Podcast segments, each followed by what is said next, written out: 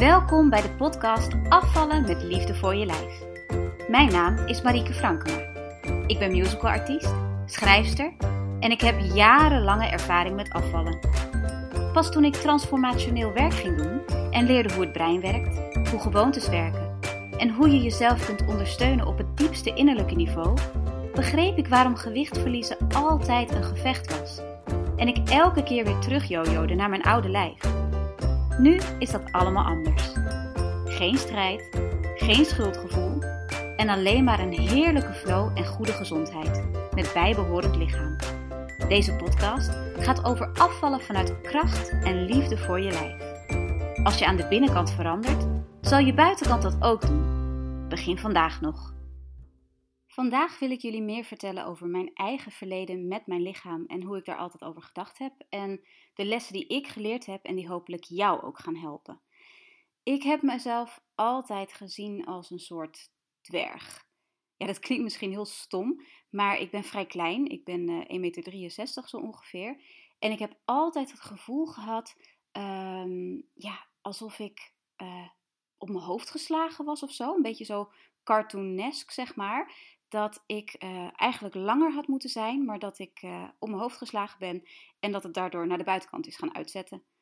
Ja, misschien is dat een heel raar beeld, maar zo heb ik heel lang over mezelf gedacht. Dat ik een soort klein, dikkig dwergje was. En dat is natuurlijk niet heel fijn. Dat is natuurlijk niet een beeld waar je echt uh, heel blij van wordt. Maar die heb ik heel lang, heel lang met me meegedragen. En ik heb dieet na dieet geprobeerd. Het begon met Montignac in, nou in de jaren negentig nog ergens. Ik heb heel veel gedaan met, uh, met voeding. Ik heb onder beheer van, van diëtisten gestaan. Ik heb, weet je, ik heb het zelf gedaan en ik heb heel lang gevochten tegen mijn gewicht. Ik moest op een gegeven moment moest ik 10 kilo afvallen voordat ik bij een dansgroep mocht blijven. Dat heb ik gedaan ook nog. En dat beeld van mezelf, dat bleef hetzelfde. Dat beeld van mezelf bleef gewoon en toen ik op een gegeven moment wel afviel en op een gegeven moment zelfs dunner was dan ik ooit was geweest, toen werd ik daar bang van. Toen klopte dat niet meer met het beeld dat ik van mezelf had. Toen hoorde ik ook van allemaal mensen uit mijn omgeving dat ik er veel te dun uitzag, zeg maar. Dat het engig was en dat mijn hoofd net een schedel was, of dat maakte ik ervan. En dat het niet gezond was hoe ik eruit zag. En dat was eigenlijk heel erg naar, want ik was eindelijk, zeg maar, ik was eindelijk het gewicht dat ik als tiener al had willen hebben. En nog kreeg ik er allemaal negatieve feedback op. En dat is heel raar om te merken dat op het moment dat je wel bent zoals je altijd had gedacht dat je moest zijn, dat het nog niet goed was. En niet eens alleen voor die mensen om me heen, maar ook voor mezelf niet. Ik was voor mezelf nog steeds niet goed genoeg. Dat had helemaal niks te maken met mijn kilo's of met mijn omvang, maar met hoe ik mezelf van binnen zag, hoe ik mezelf ervaarde, hoe ik mezelf vond als persoon. Dat het nog steeds niet oké was. En sterker nog, wat ik heb laten gebeuren toen, is dat ik terug wilde naar iets voller, naar iets meer, naar iets meer vlees op de botten, zeg maar. En daardoor schoot ik weer door. Ja, daardoor werd ik weer zwaarder dan ik in lange, lange tijd geweest ben. En toen op dat zwaardere moment, toen wist ik het niet meer. Toen dacht ik, ja hallo, wat is dit nou? Weet je, ik eet nog steeds hetzelfde als wat ik deed. Oké, ik had iets minder tijd om gezond te eten, dat geef ik wel meteen toe. Maar dat ik er zo ongelooflijk van moest aankomen, dat sloeg echt helemaal nergens op. En dat, daar baalde ik ook echt van en ik kon het ook niet terugkrijgen en blablabla. En toen kwam ik in aanraking met het transformationele proces vanuit jezelf. Dus niet dat je dingen aan de buitenkant oplegt, maar dat je juist gaat werken aan de binnenkant. En ik was daar voor mijn bedrijf. Uh, mijn bedrijf is ook een onderdeel van mijn lijf. Dat zal ik later nog wel eens uitleggen. Maar in het kort, um, omdat ik het heel, heel spannend vond om een eigen bedrijf op te starten. En om zeg maar de online business kant op te gaan. Daardoor heb ik een soort van beschermlaag voor mezelf gecreëerd. Letterlijk in de zin van een uh, schildje van vet, zeg maar toen was ik eigenlijk dus helemaal niet bezig met mijn lijf. Ik had het een beetje opgegeven en ik wilde er ook helemaal niet mee bezig zijn. Ik lette nog wel op wat ik at natuurlijk, maar ik wilde niet per se afvallen. Ik wilde niet per se aan mezelf werken. Dat was iets voor later en dat was niet voor nu. Ik wilde gewoon voor mijn bedrijf die cursus doen. Maar wat er gebeurde, is dat ik leerde accepteren wie ik was. En ik leerde van mezelf te houden. En ik leerde nieuwe manieren van denken over mezelf en in mezelf. En nieuwe manieren van denken over de wereld om mij heen. En hoe ik mijn leven had ingericht en hoe ik mijn leven kon veranderen. En daar gebeurde iets heel bijzonders. Doordat ik dus meer van mezelf ging houden, doordat ik dus meer aandacht had voor mezelf en voor wat er binnen in mij speelde. En puur door die liefde die ik voedde, die ik elke dag wat sterker maakte, ging het afvallen en het gezond eten en het daarbij sporten vanzelf. Ik hoefde geen seconde meer na te denken over: oh, ik wil nu gaan sporten, ik moet nu gaan sporten, ik moet nu gezond gaan eten. Nee, wat er gebeurde is dat goed voor mezelf zorgen vanzelf gebeurde. Ik had de behoefte om goed voor mezelf te zorgen. Ik besefte dat je goed zorgt voor iets waarvan je houdt en dat ging ik toepassen op mezelf. En dat ging zonder strijd en dat ging zonder moeite en dat ging vooral ook zonder die zelfhaat en die zelfkastijding en die gemeenheid die ik van mezelf van vroeger wel gewend was. Ik heb bijvoorbeeld dagen gehad dat ik ochtends vroeg alleen maar twee stuks fruit nam en dan tot twaalf uur helemaal niks meer van mezelf mocht. Het was eigenlijk een soort marteling en ja, je hebt het ervoor over omdat je slanker wil worden, maar het is eigenlijk gewoon keihard van de zotte. Want is dat nou echt goed voor jezelf zorgen? Is het nou goed om jezelf uit te hongeren en daarna gewoon maar te hopen dat het er dan afblijft zodra je weer een beetje normaal gaat doen? Ik vind dat, in retrospect, geen manier om goed voor jezelf te zorgen of om af te vallen. Het is geen blijvende keuze. En dat had ik al lang bewezen door al die keren dat ik was afgevallen en weer terug was gejojoed enzovoort. En nu had ik dus die verbazingwekkende ontdekking dat als ik van mezelf hield en als ik voor mezelf wilde zorgen, dat het vanzelf ging. En dat mijn conditie echt gigantische sprongen vooruit maakte. En dat ik koos voor de leuke dingen om te doen. Dat ik koos voor de lekkere, gezonde dingen.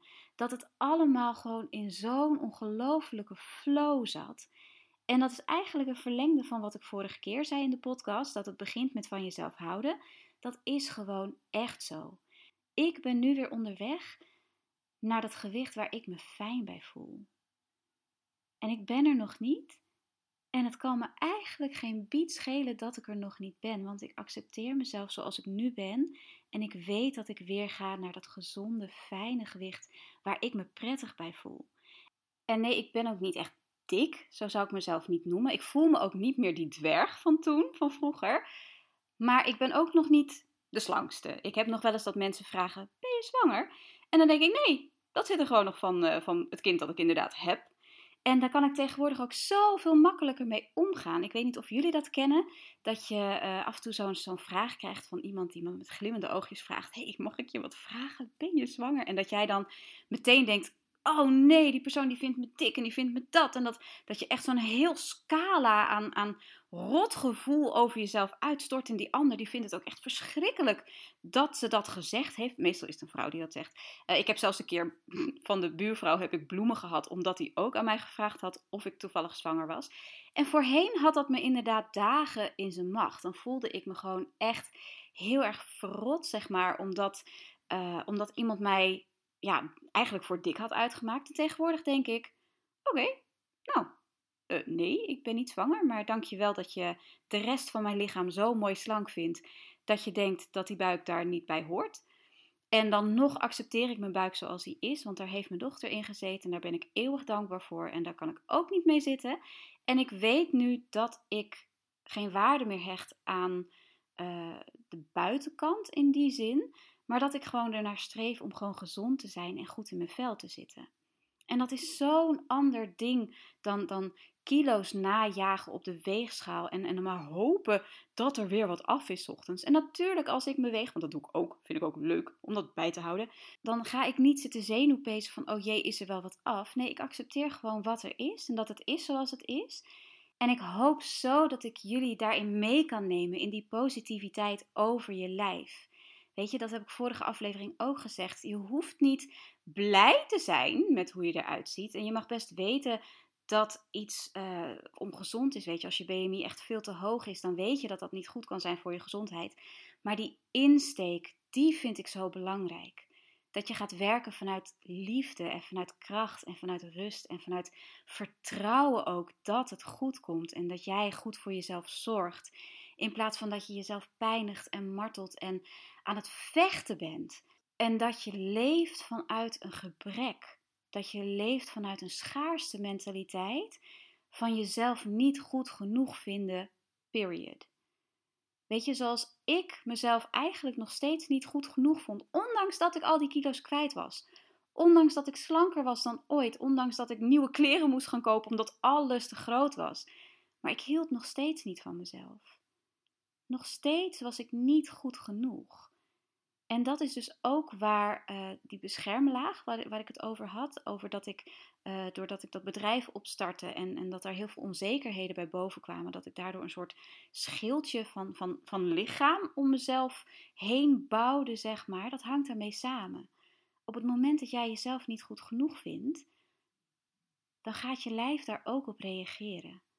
Op het moment dat jij niet van jezelf houdt en jezelf niet accepteert, dan reageert jouw lijf daarop. Dus draai het om. Ga ervoor zorgen dat je vanuit liefde en respect voor je lijf gaat opereren. Dat is ook wat we in deze podcast met allemaal verschillende manieren steeds een stapje verder gaan laten groeien. We gaan het hebben over, eten, we gaan het hebben over sporten, we gaan het hebben over hormonen, we gaan alles belichten, maar altijd vanuit dat respect en vanuit die liefde voor je lijf. Dus doe voor nu gewoon eens je ogen dicht Adem eens heel diep in en uit. Adem.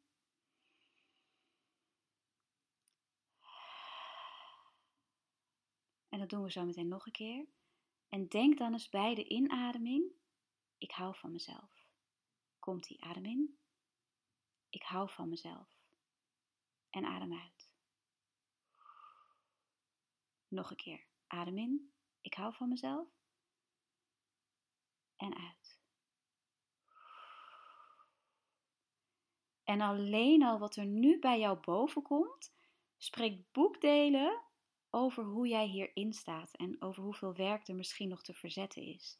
Ik wil je uitdagen om net als ik die uitdaging aan te gaan, om te gaan leren van jezelf te houden, zodat alle aspecten in jouw leven makkelijker worden en vooral ook dat zorgen voor jezelf. Vooral ook dat zorgen dat je goed eet, dat zorgen dat je sport, dat zorgen dat jij een vrij gelukkig mens wordt. Want ik weet zeker dat mensen die op en top gelukkig zijn, ongelooflijk goed en fijn in hun vel zitten. Dus dat is een stukje geschiedenis van, van mij, zeg maar. Wat ik heb meegemaakt, wat ik heb gedaan, wat ik heb geleerd. Dat het dus niet alleen maar diëten is, dat het niet alleen maar sporten is, maar dat vooral die mindset erachter zo knetterend belangrijk is.